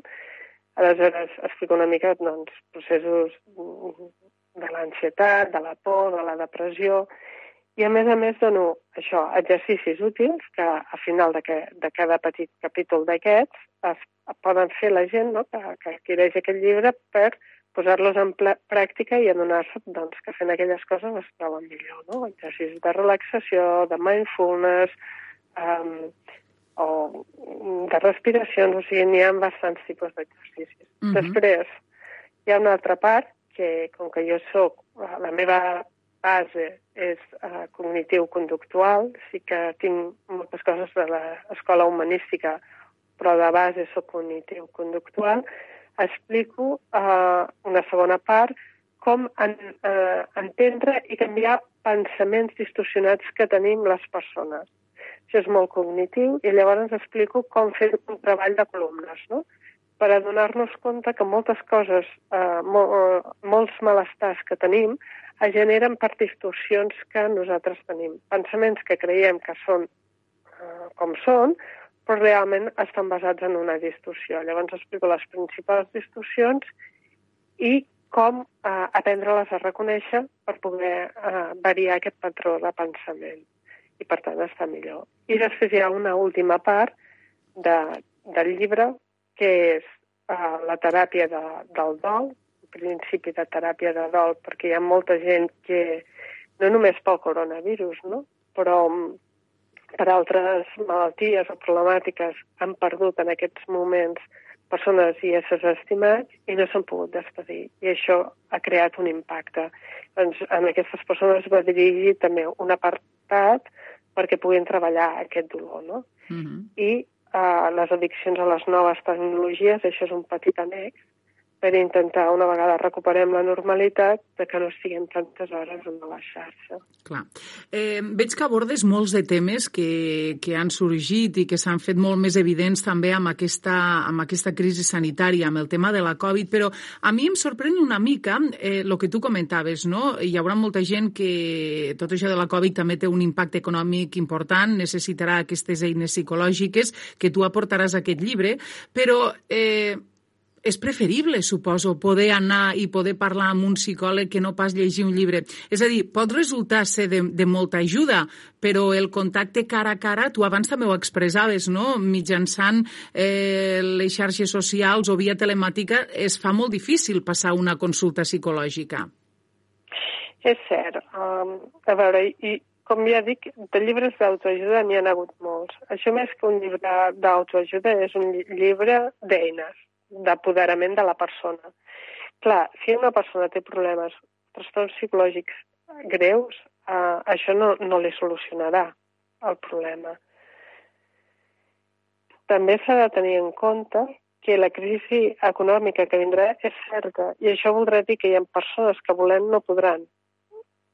I no sé fins a quin punt eh, mm, hi haurà prou recursos mm, sanitaris eh, gratuïts perquè aquesta gent pugui anar. O sigui, això és el que ens, ens queda una mica pendent. Llavors, això està a cavall entre una cosa i l'altra, però, evidentment, un llibre mai, mai, mai és una teràpia. Eh? Mm -hmm. Això també al principi del llibre està posat. Que vull dir, evidentment, una cosa és treballar problemes que nosaltres en el nostre dia a dia puguem tenir i l'altre és tenir trastorns eh, més seriosos, que llavors s'ha d'anar, evidentment, a un professional.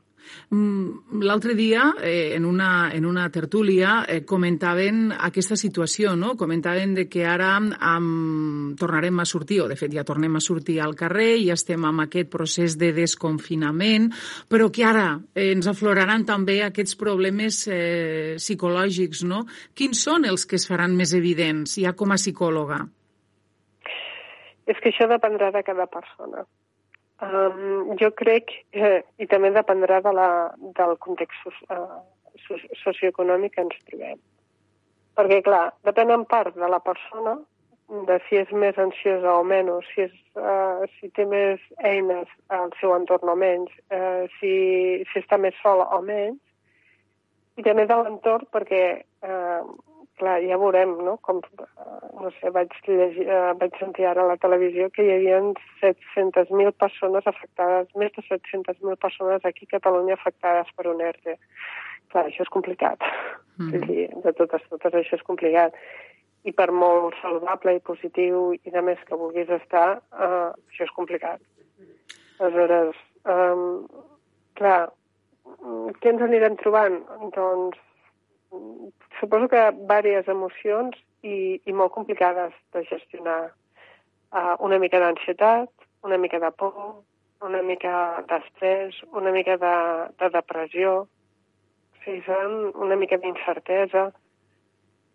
Uh, -huh. tindrem, bueno, ens, estarem en, en una època complicada. Mm. Estarem tots i totes en una època bastant complicadeta. Vosaltres heu tingut, que també com altres col·lectius, heu tingut que, que parar de treballar, però suposo que, que el vostre treball és un treball que es pot fer perfectament, no? Perquè podeu tindre distància, a més a més les consultes són més aviat personalitzades, vull dir, ara mateix els psicòlegs ja comenceu a treballar, Assumpta, o no heu deixat, en certa manera, de, de poder atendre a les persones que, que tenien alguna situació complicada en aquest sentit?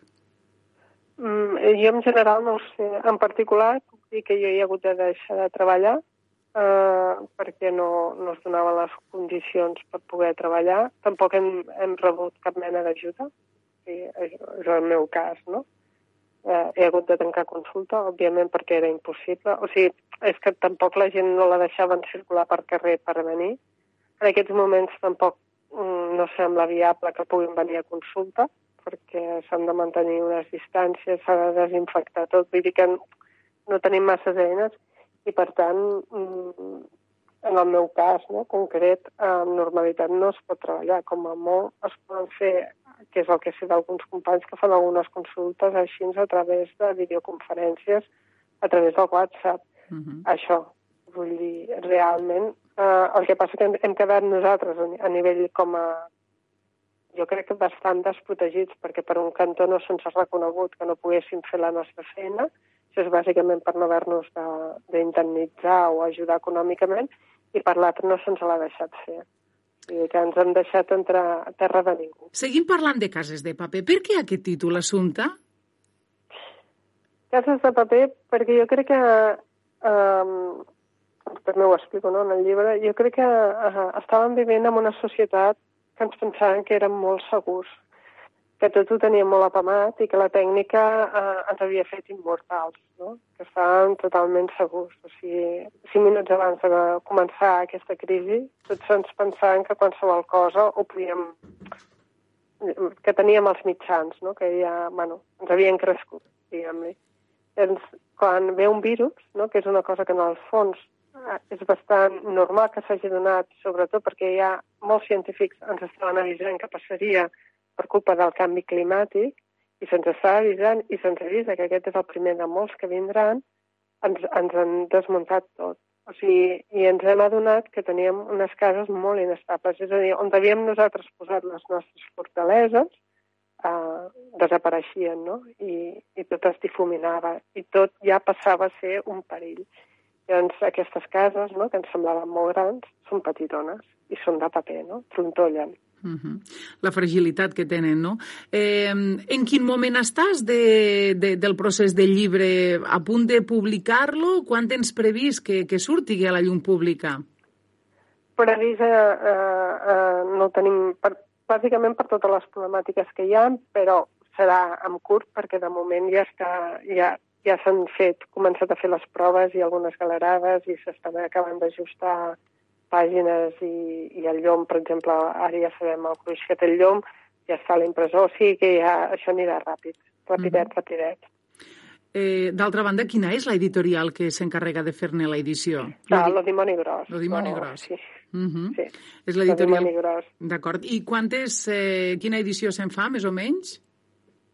La, la, primer, uh, la primera tirada que se'n fa, no? M'imagino que són 200 200 exemplars. A finals del mes de maig ja, ja el podríem tindre a les nostres llars? Home, m'agradaria que sí. Ja dic, eh? és, és una mica complicat totes les previsions perquè eh, jo crec que això ens ha passat a, a tothom, que les previsions és... Bueno, hem hagut d'anar una mica circulant com podien, no?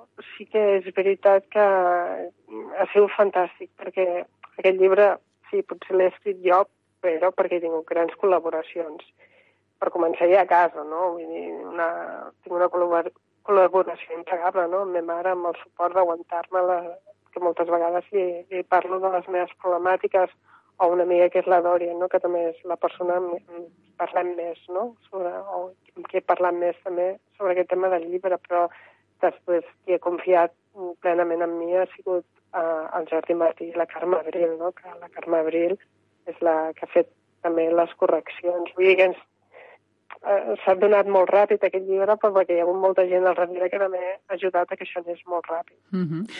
Eh, estàs satisfeta amb aquest treball? Eh, perquè abans ho, has, ho hem comentat, no? Sols escriure, tens agil, agilitat i facilitat per fer-ho, però un llibre és un llibre. Estàs satisfeta amb el resultat? Sí, sí. Mm, em pensava que em costaria més si sóc honesta, em pensava que em costaria més. Potser ara la gent l'agafa i, tampoc no li agrada, eh? I em diu, mare, per fer això no, no calia, no? Crec que no, que està ben muntadet el llibre. I està ben muntadet, ja dic, eh? Perquè eh, aquí hi ha les meves mans, però n'hi ha més mans, perquè si no ja en parlaríem com estaria. Uh -huh. I, I la veritat, tenia moltes tenia, realment tenia moltes ganes de fer alguna molt útil que ajudés realment a la gent que ho necessita. Llavors, mm, això fa que, que tregués, o sigui, que em donés molta empenta per llevar-me al matí i posar-me a treballar les hores que calguessin. I eh, la, la idea aquesta, no?, de, de, del que probablement passaria i, i d'aquesta necessitat que probablement s'hauria generat, eh, sí que em feia, no?, que, que tingués ganes i llavors les coses surten més bé. D'acord. Doncs ja ho heu escoltat. Properament, cases de paper, eines psicològiques per a l'autogestió de les emocions, a, a càrrec escrit eh, per Assumpta Arassa, psicòloga general sanitària, a la qual li donem les gràcies també per haver-nos explicat, per haver-nos fet cinc cèntims eh, d'aquest llibre que properament veurà la llum pública. Gràcies, Assumpta. Gràcies a vosaltres.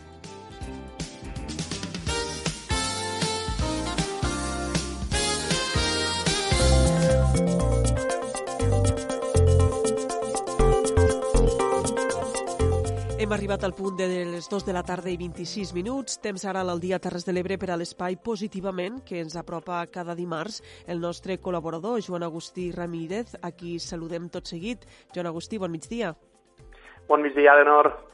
Avui ens vols parlar de la teoria de les finestres trencades. Jo d'entrada ja et dic que, que no la conec, així que endavant, explica'ns quina és aquesta teoria de les finestres trencades. Molt bé, doncs te'n faig 5 cèntims, a veure què et sembla. La teoria de les finestres trencades és una teoria que va i es, es va desenvolupar inicialment sobre el contagi de les conductes immorals i incíviques. Vale? I té l'origen en un experiment que va dur a terme un psicòleg social de la Universitat de Stanford, en Philip Zimbardo, uh -huh. i el va fer al 1969, ha plogut una miqueta ja. En què va consistir l'experiment? El que va fer Zimbardo va ser abandonar un cotxe a un barri marginal, al Bronx, de Nova York, i aquell cotxe estava en, sense matrícules i diguem-ne que les portes obertes, res més, sense matrícula ni les portes obertes. I l'experiment era veure què passava. Doncs pues, bueno, el que va passar és que als 10 minuts van començar a robar els components. I als 3 dies ja no quedava res de valor al cotxe, ho, ho havien tret tot. I a partir d'aquí el que va passar és que van començar a destrossar-lo, a destrossar el cotxe, fins que va quedar, pues, bueno, res, una un ferralla tirada per allà, tot trencat i ja està. Uh -huh. Però l'experiment tenia una segona part. Va fer exactament el mateix, va agafar un cotxe exactament igual i el va deixar al barri de Palo Alto, que és un barri ric de Califòrnia, està molt a prop de Silicon Valley. El va deixar allà, per a veure què passava allà. I saps què va passar? Doncs pues res. Durant una setmana el cotxe va seguir exactament igual. I llavors, el que va, de la mateixa manera, ningú el va tocar. Diguem-ne que llavors pareixia que la diferència social, d'estatus social del barri podia afectar. Però llavors el que va fer Simbardo va ser agafar un martell i trencar dos finestres del cotxe. Doncs a partir d'aquí el comportament va passar a ser exactament el mateix que el del Bronx. És a dir, van començar a prendre i a destrossar el resto del cotxe. A partir d'aquest experiment va sortir la teoria de les finestres trencades que van elaborar James Wilson i George Kelling. Llavors, ells ho explicaven dient que si hi ha un edifici, hi ha una finestra trencada i no es repara, és com un efecte crida i la gent comença a trencar les altres finestres de l'edifici i actuar efectes vandàlics sobre, sobre, aquell, sobre aquell edifici en concret. Per què? bueno, és, un, és com un efecte crida. És a dir, és com si tu estiguessis donant la veu, la imatge de que aquí hi ha màniga ampla per a fer el que vulgues perquè hi ha algo trencat i ningú, ningú en fa res. Per què traga aquesta teoria en un espai com el nostre que va més de creixement personal, de coaching, de... doncs perquè crec que és un experiment que és molt interessant si el podem extrapolar a lo següent. Eh, tots tenim el que podríem considerar, o tots vivim el que podríem considerar petites finestres trencades. A nivell particular, a vegades hi ha alguna situació, alguna cosa que ens fa mal a nosaltres mateixos, o sabem que hem de fer alguna cosa que ens faria bé i no la fem. Això és una petita finestra trencada. I inconscientment, inconscientment, quan tu no estàs atenent aquestes finestres trencades, aquestes petites necessitats que tens, el missatge que t'estàs donant a tu mateix és que, bueno, que no passa res, que t'estàs donant maniga ampla per a deixar-te anar i la situació es va deteriorant.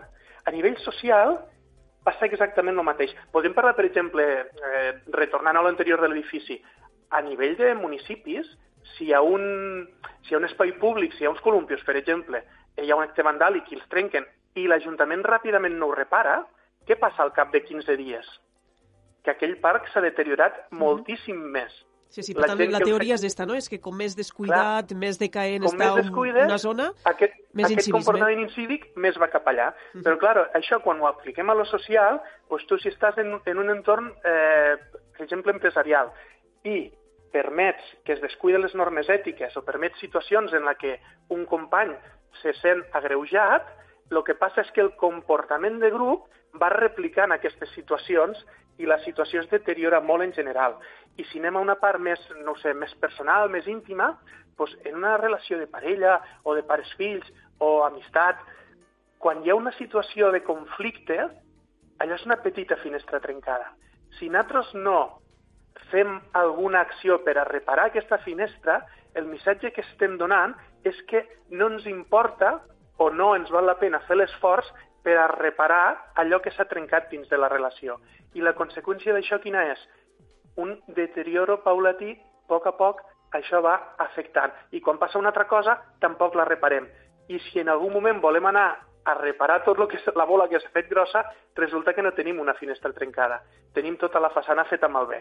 I això és molt més complicat, a part de les implicacions emocionals que és per a l'altra persona si ha vist que hi ha alguna cosa que va, que va malament i ni un ni l'altre ho ha fet. Llavors, m'ha semblat molt interessant veure aquesta teoria perquè, tot i que inicialment anava molt enfocada al tema d'aquest comportament, del contagi del comportament vandàlic, té una aplicació molt clara i molt directa respecte a què fem nosaltres davant de situacions petites que podem considerar que són aquesta finestra trencada, en una relació amb la parella, en una relació laboral amb els companys, en una relació amb els nostres fills, o en una relació amb un grup d'amics. Quan tu estàs en un grup d'amics eh, o en un club social i resulta que algú engega la xispa de la crítica maliciosa, si és un comportament que no es talla, què passa? Que tu el que estàs fent és donar peu a que els altres actuen de la mateixa manera. Inclús quan tu no estàs, tu, vas, tu seràs l'objectiu d'aquestes crítiques, perquè el que s'està fent és un contagi de tot aquest tipus de comportament. Llavors, m'ha semblat molt interessant treure per a pensar-hi. Llavors, la reflexió que jo faig a totes les persones es pregunteu quines petites finestres tens trencades ara mateix a la teua vida? Quina petita cosa de la relació amb la teua parella o en algun amic o en algun company que està allà i que diràs que, que és com una estella, que, que de quan en quan rasca, que molesta, i està allà i està deteriorant la situació general.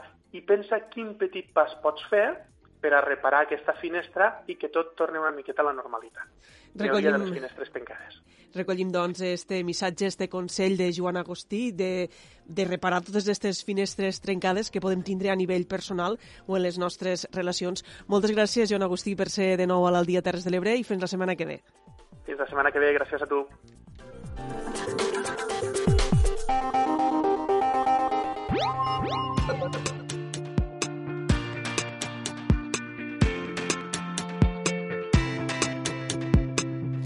Temps ara per a parlar d'educació a l'Aldia Terres de l'Ebre, tot i que l'activitat de les escoles ha disminuït, els reconeixements no s'aturen. És el cas de l'Institut Escola Daniel Mangranet de Jesús, que en ple confinament ha rebut la notícia de ser guardonat amb el Premi Escola Valdiri 2020. Clàudia Ruiz, des de Ràdio Tortosa, en parla amb la directora del centre. La setmana passada es donava a conèixer que l'Institut Escola Daniel Mangraner de Jesús era guardonat amb el Premi Escola Valdiri 2020, un reconeixement que reben centres educatius implicats amb la cultura i els llenguatges artístics dintre dels seus projectes. Per parlar de tot això, avui ens acompanya la directora de l'Institut Escola Daniel Mangraner, Dolors Queral. Benvinguda. Gràcies, Clàudia. Bona tarda. Bé, rebre un reconeixement com aquests en moments complicats com els d'ara suposo que deu ser una injecció d'energia, no? Exactament. Va ser una notícia que vam rebre en molta il·lusió. Uh, tal com dius, estan sent moments complicats i um, bueno, tothom està molt sensible i treballant molt, a més, i veure que d'una manera concreta i més des de fora del centre a nivell de país se reconeixia la feina que s'està fent, doncs sempre ajuda. Mm. Bé, abans de parlar sobre aquest premi i els projectes que heu dut a terme per aconseguir-ho, m'agradaria conèixer no, això com esteu vivint esta pandèmia des del vostre centre, sobretot com esteu vivint-la i organitzant-vos en este tercer trimestre, que és molt atípic i no estem dintre de les aules com ens agradaria. Exactament, eh? és una situació nova d'aprenentatge I bé, al centre ens agrada sempre comentar que ens considerem una comunitat permanent d'aprenentatge, una escola que aprèn i eh, intentem traure de totes les situacions oportunitats d'aprenentatge. I aquesta, evidentment, ho és una en majúscula per a tothom, per a els docents, per a l'estructura del centre, per a l'alumnat, per a les famílies i per a l'encaix no? de, de, tots, de tots els sectors de la comunitat educativa. Llavors, nosaltres el que hem intentat des del principi és estar a prop de les famílies, fer-los arribar al màxim possible d'informació, tant pel que fa referència al que són més processos d'organització i de gestió. Per exemple, aquesta mateixa setmana ja hem començat a parlar d'aspectes vinculats en, en, en coses d'organització del curs que ve, com també pel que fa referència a l'acompanyament en l'aprenentatge dels seus fills i filles, com també en la gestió emocional. Eh? Són tres eixos informatius que, que hem volgut mm, tenir presents. Llavors, Uh, pel que fa referència a aquesta part més organitzativa, evidentment, la manera és per correu electrònic, pel Twitter, per Levando, són els nostres canals de comunicació. Tot el que fa referència a la gestió emocional tenim articulat Mm, un sistema de, de roda de trucades, les, les tutores van trucant a totes les famílies de manera periòdica, fem també videoconferències de tutoria en l'alumnat, anem fent mm, CATs, que, comissions d'atenció a la diversitat per casos específics que necessiten algun tipus d'assessorament o d'acompanyament mm, més concret i després el que fa referència al procés d'aprenentatge i també de d'aquesta avaluació, no? de que també ha sigut un tema que se n'ha parlat i que a les famílies també els preocupa. Uh, hem, hem compartit amb ells els que seran els criteris d'avaluació d'aquest tercer trimestre, que evidentment són diferents, que han de ser sempre en positiu, uh, destacant allò que, que s'ha pogut fer i, evidentment, no penalitzant-ho en els casos que per circumstàncies diverses no es poden produir aquestes situacions d'aprenentatge i, sobretot, posant el foco en tot el que són les competències transversals, l'autonomia, la gestió, l'aprendre a aprendre, les competències eh, digitals i, tal com dic, també les competències personals i tot aquest acompanyament eh, emocional. Mm. He vist al Twitter no, que heu realitzat aquest conjunt d'infografies per explicar a les famílies aquesta avaluació de les competències transversals. Mm, com dueu a terme també aquesta relació escola-família? I com es duen a terme aquestes classes? Són videoconferències? i envieu eh, feina per fer? Tenim mm, maneres diferents de gestionar-ho, perquè una de les característiques del nostre centre és que som un centre 3-16, és a dir, tenim infantil, primària i ESO. I evidentment no descobreixo res si dic que les condicions, les circumstàncies, les expectatives, les capacitats uh, dels alumnes entre una etapa i l'altra tenen poca cosa que veure. Llavors, uh, a nivell de secundària, nosaltres el que estem fent són uh, videoconferències de tutoria, eh, hi han programades cada dia en, en una hora al matí i en una hora a la tarda per a facilitar, perquè ens trobàvem pues, alumnes que potser els seus, les seus mares els seus pares potser teletreballaven des de casa, tenien l'ordenador ocupat al matí, no podien, en això hem intentat ser flexibles, llavors cada òrgan té eh, una hora marcada cada dia durant tota la setmana, de manera que els alumnes una hora al matí i una hora a la tarda poden connectar-se, allí troben els seus docents i poden fer-los les consultes i exposar-los els dubtes que tenen sobre les tasques que eh, de manera quinzenal fem arribar a, tant a les famílies com al correu dels alumnes. A primària hem fet un sistema híbrid, depèn dels cursos, fem, tal com te dia, videoconferències, però més d'acompanyament emocional, tot i que a cicle superior també es fan Uh, en aquestes videoconferències s'atenen consultes. En els més petits uh, eh, començarem a partir justament de, de la setmana que ve aquestes videoconferències perquè era una cosa que nosaltres no teníem costum i també cal que tothom s'adeqüe, les famílies, no? els docents, però aquí sí que és molt a través dels canals de WhatsApp, de difusió, tot el que seria la primària, uh, i especialment un cicle que nosaltres anomenem pas a pas, que és P5 primer i segon i SOMI, que són P3 i P4. Les tutores estan dins d'uns grups que s'han creat de WhatsApp i um, diàriament eh, s'envien vídeos, les, les tutores envien vídeos a on saluden els xiquets i els expliquen pues, bueno, alguna cosa relacionada en aquell dia, en què es prendeix, en les tasques que s'han enviat, pues, bueno, avui farem, no sé, m'ho invento, eh? avui farem aquest experiment que hem programat, a veure, ja m'explicareu com us ha anat. És una manera d'anar mantenint també aquest, aquest contacte. Llavors, llavors que són sistemes diversos per a intentar arribar al màxim possible del nostre alumnat. Aquest acompanyament emocional que comentaves suposo que ara més que mai és molt necessari. No sé quines inquietuds us traslladen els xiquets i xiquetes en aquests dies. Bueno, eh, ha anat evolucionant. Eh? Al principi hi havia desconcert, després va haver un moment que va fer molta pujada, estaven eh, molt motivats, estaven tenint molt d'interès, aquestes noves maneres de fer els, els resultaven mm, més engrescadores i ara la veritat és que comencem a notar un cert cansament. Um, avui justament ne parlàvem, que avui este matí estàvem fent equips docents i, i ho exposàvem, no? És a dir, els xiquets troben a faltar aquesta, aquest, aquest acompanyament de l'escola. L'escola és molt més que les parets de l'escola, és molt més que l'aprenentatge que allí eh, se produeix. Lo, lo valor principal és lo, pues, lo tu a tu, no? lo mirar els xiquets a la cara, l'escoltar-los, lo veure com estan, e, esta, este contacte i, i estem notant que una miqueta ho estan, ho estan acusant. A més a més, també doncs, bueno, les famílies també fa molts de dies que, que estan en este doble o triple o quadruple paper, no?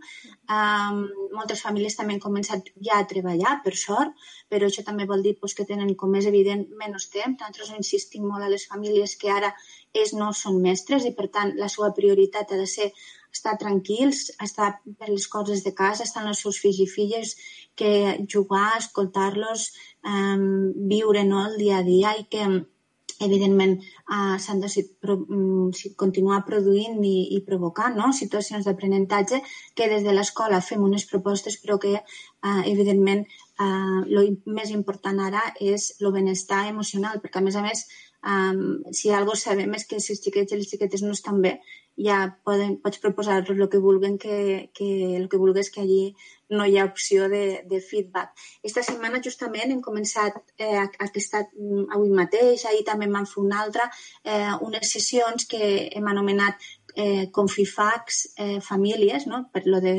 les preguntes freqüents, hem jugat una mica en aquesta idea, i per cicles els representants de, les famílies representants de cada classe estan recollint les inquietuds, els suggeriments, les preguntes de totes les seues famílies i s'estan reunint en, en nosaltres, en l'equip directiu i en els caps d'estudis de cada etapa i ens ho transmeten, ens fan arribar què els, que els preocupa, eh, quins dubtes tenen, quins suggeriments, també les coses que troben que s'estan fent bé i que per tant cal continuar fent i també està sent un altre, un altre espai, no? una, altra, una altra possibilitat de contacte directe en, en les nostres famílies i, i evidentment de retruc també en els nostres alumnes. Molt bé, una gran idea.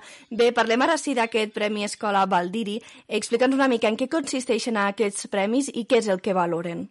Bé, al darrere dels Premis Valdiri a escola i altres que es donen, Valdiri Alumnes, Valdiri Connexions, Valdiri Experiències, n'hi ha, hi ha uns quants més. Aquest potser de, de Premi Valdiri Escola potser és el més icònic en tant que el que reconeix no és una acció concreta, sinó un projecte global de centre. Són uns premis que estan um, promoguts des de la Fundació Carulla. Uh, nosaltres és el primer any que ens presentàvem um, quan van veure les bases van pensar que podíem eh, tindre l'opció d'optar-hi, no? o sigui, podíem optar perquè el que busquen, i, i, en això intento respondre a la teva pregunta, és posar en valor aquelles escoles que d'una manera global, eh, cons, conscient, um, organitzada i, i més enllà del que és específicament el centre, tenen eh, present i posen en primera línia i com a eix vertebrador de les seves activitats la cultura com a element transformador. Uh -huh. Entenent que la cultura és un element molt potent, molt transversal, um, que marca caràcter i manera de, de ser i de fer. I um, en aquest sentit, uh, nosaltres al Daniel Mangraner des de sempre, però de manera, tal com te dia, de manera conscient des de fa 3-4 anys, vam articular tot un projecte que vam anomenar Manga Art, que és un, joc de paraules, no? Mangrane Art, um, perquè vam donar-me compte de que era un espai on ens sentíem molt còmodes, molt còmodes com a equip docent, molt còmodes com a alumnes, mm, com a també entorn. Eh, el nostre centre està a Jesús, um, evidentment eh, en, en molts punts de connexió a Tortosa eh, i, i veiem que hi havia una possibilitat molt àmplia de desenvolupar projectes i dinàmiques al voltant del fet cultural. Bé, aquests premis valoren sobretot quatre pilars que, si et sembla, el que podem fer és anar desgranant-los i explicar com vosaltres els heu treballat al centre. D'una banda és aquesta organització i gestió educativa, entenc que tot al voltant sobre la cultura, no? Sí, eh, exactament.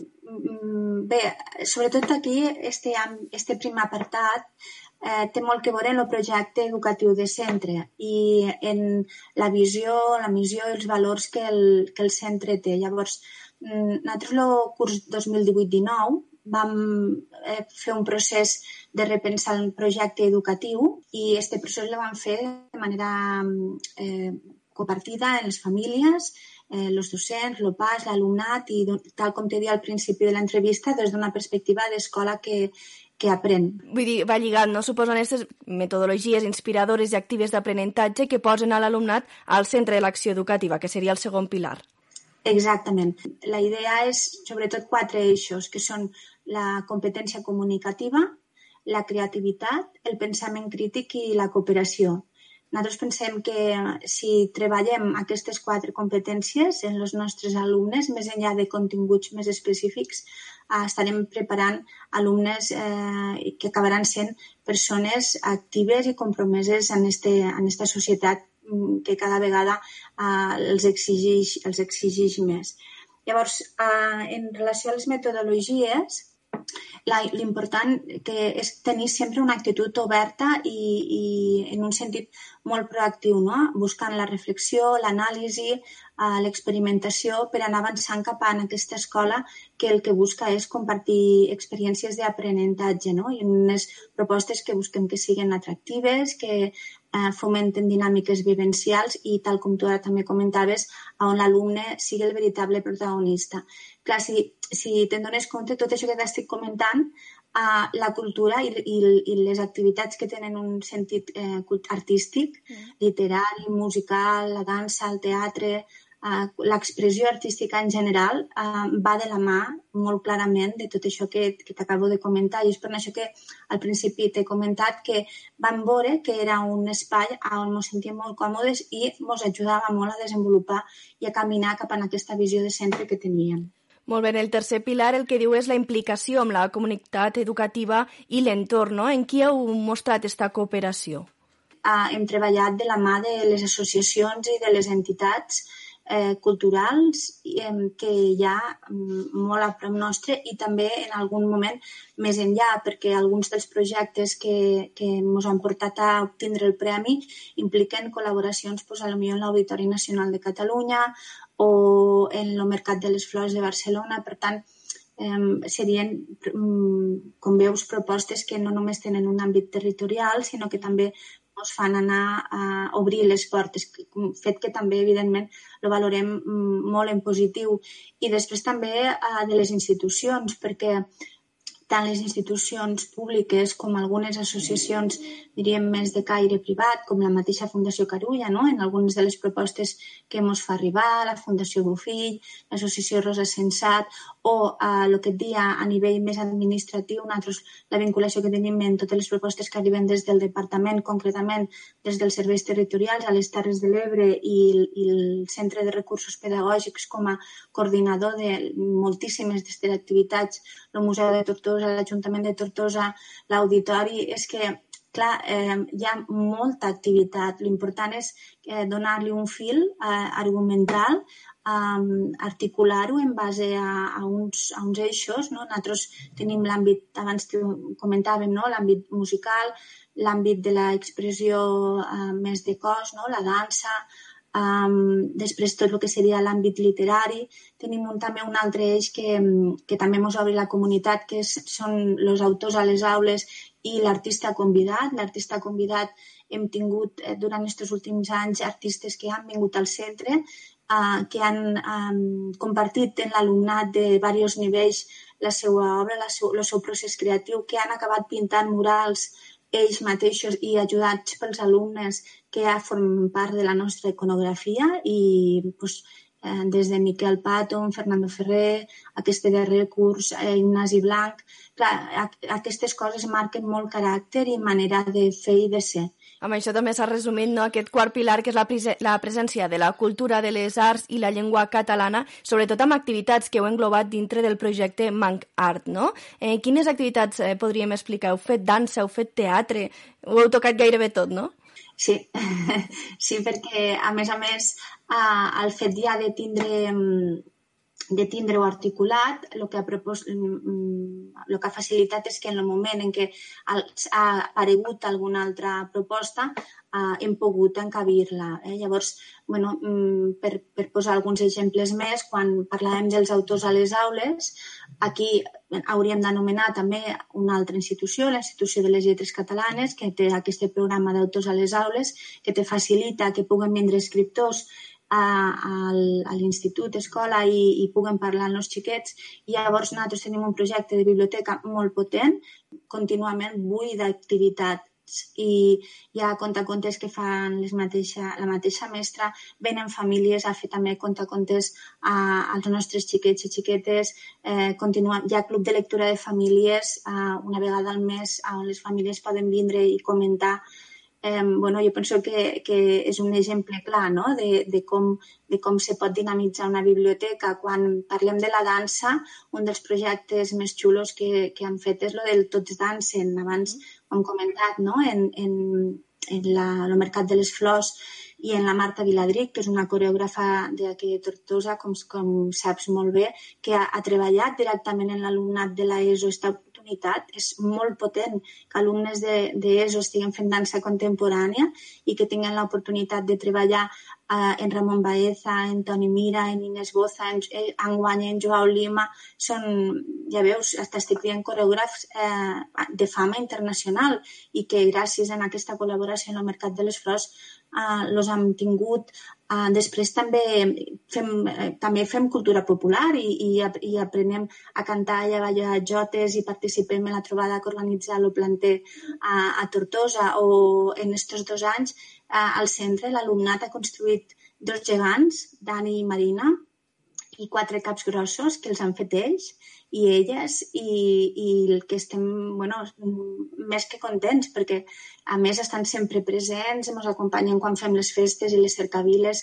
Claro, eh, tot això que estic dient, jo ara ho dic i ara feia dies que no hi pensava i m'emociono no? només de, de pensar-hi perquè realment és molt um, l'obatec no? de, del centre i, i ajuda a articular i a crear sensació d'identitat. Vull dir, l'Omangart no és només un, un programa o un projecte cultural, és una manera de, de ser i de fer en la que el Daniel Mangraner ens sentim molt identificats. No sé si ara en el confinament algunes d'aquestes activitats les heu pogut adaptar. Eh, algunes, sí. Mira, eh, concretament el Tots Dansen, com que no s'han pogut fer l'actuació, la, la Marta Viladric va tindre l'encàrrec i va fer un vídeo en, en intervencions dels alumnes i en, també en algunes imatges de quan han anat assajant, per exemple, aquesta seria. Uh, L'altra seria, l'altra adaptació que hem fet és tot el tema de la biblioteca, ja, ja l'he explicat, no? com podem continuar contant-nos contes. La coordinadora pràcticament cada dos o tres dies els envia un conte explicat. Els xiquets i les xiquetes també conten contes, se graven, ho envien i ho comparteixen pels canals de, de difusió. Uh, bé, ara, per exemple, aquesta activitat no entra directament en l'Omangat, però sí que nosaltres tenim la sort de ser el centre representant de les Terres de l'Ebre uh, de primària, el Congrés de Petits Científics, que s'havia de fer també a la URB el 20 de març, crec, o el 21, i bé, ara també es farà virtual i dintre de, a banda de la part científica, eh, que, que també se recuperarà a nivell mm, digital, hi havia també una actuació musical. Pues, bueno, els nostres alumnes estan continuant, continuen assajant a casa i ho gravaran i també enviaran la seva, la seva producció, perquè això no ho he dit, però a l'escola, és que segur que em deixaré alguna cosa, eh? i em sabria molt de greu, però a l'escola hi ha coral, hi ha coral de primària, hi ha coral de secundària, Uh, la música és un element bàsic de tot aquest projecte. Tenim um, uns mestres molt actius que participen, a més, també en la URB, en uh, les Beceroles, que és un projecte de percussió corporal. També incorporem uh, tot el tema de, del mètode Gordon, que, que vincula també tot el tema de la neurociència i com la, les, les bases que a nivell eh, neurocientífic validen l'aprenentatge i bueno, ja veus que és un, és un món i és un món molt potent que de manera molt lúdica, molt participativa, ajuda a millorar els resultats de l'aprenentatge dels nostres alumnes. I que al final és tot adaptar-se no, a les situacions que ara ens toca viure. Molt bé, ens quedem en este missatge. Moltes gràcies a la directora de l'Institut Escola, Daniel Mangranet, Dolors Queral, i sobretot enhorabona per aquest premi que reconeix aquesta feina ben feta. Fins la propera. Gràcies a vosaltres, Clàudia. Bona tarda.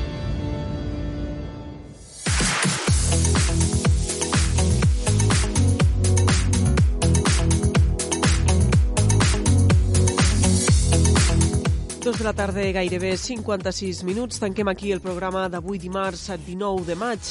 Els recordem que durant la pròxima hora de 3 a 4 podran escoltar en reemissió l'informatiu de l'Aldia Terres de l'Ebre. No perden, per tant, la sintonia del programa que, com cada dia, ha estat possible per la implicació i participació de Tere Giné i Clara Seguí de la Plana Ràdio, de Núria Mora, Clàudia Ruiz i Xavier Falcó de Ràdio Tortosa, Laia Oltra, Francesc Callau i Daniel Rodríguez de la Cala Ràdio, Judit Castells i Jonathan Valls de Ràdio Joventut, Eduard Carmona de Ràdio Delta i de Tomàs Ginestra, Jordi Galo i Manel Ramon des de Amposta Ràdio. Així acabem, ens retrobem demà en directe a partir de la una del migdia. Una salutació de qui us parla, Leonor Bertomeu. Fins demà.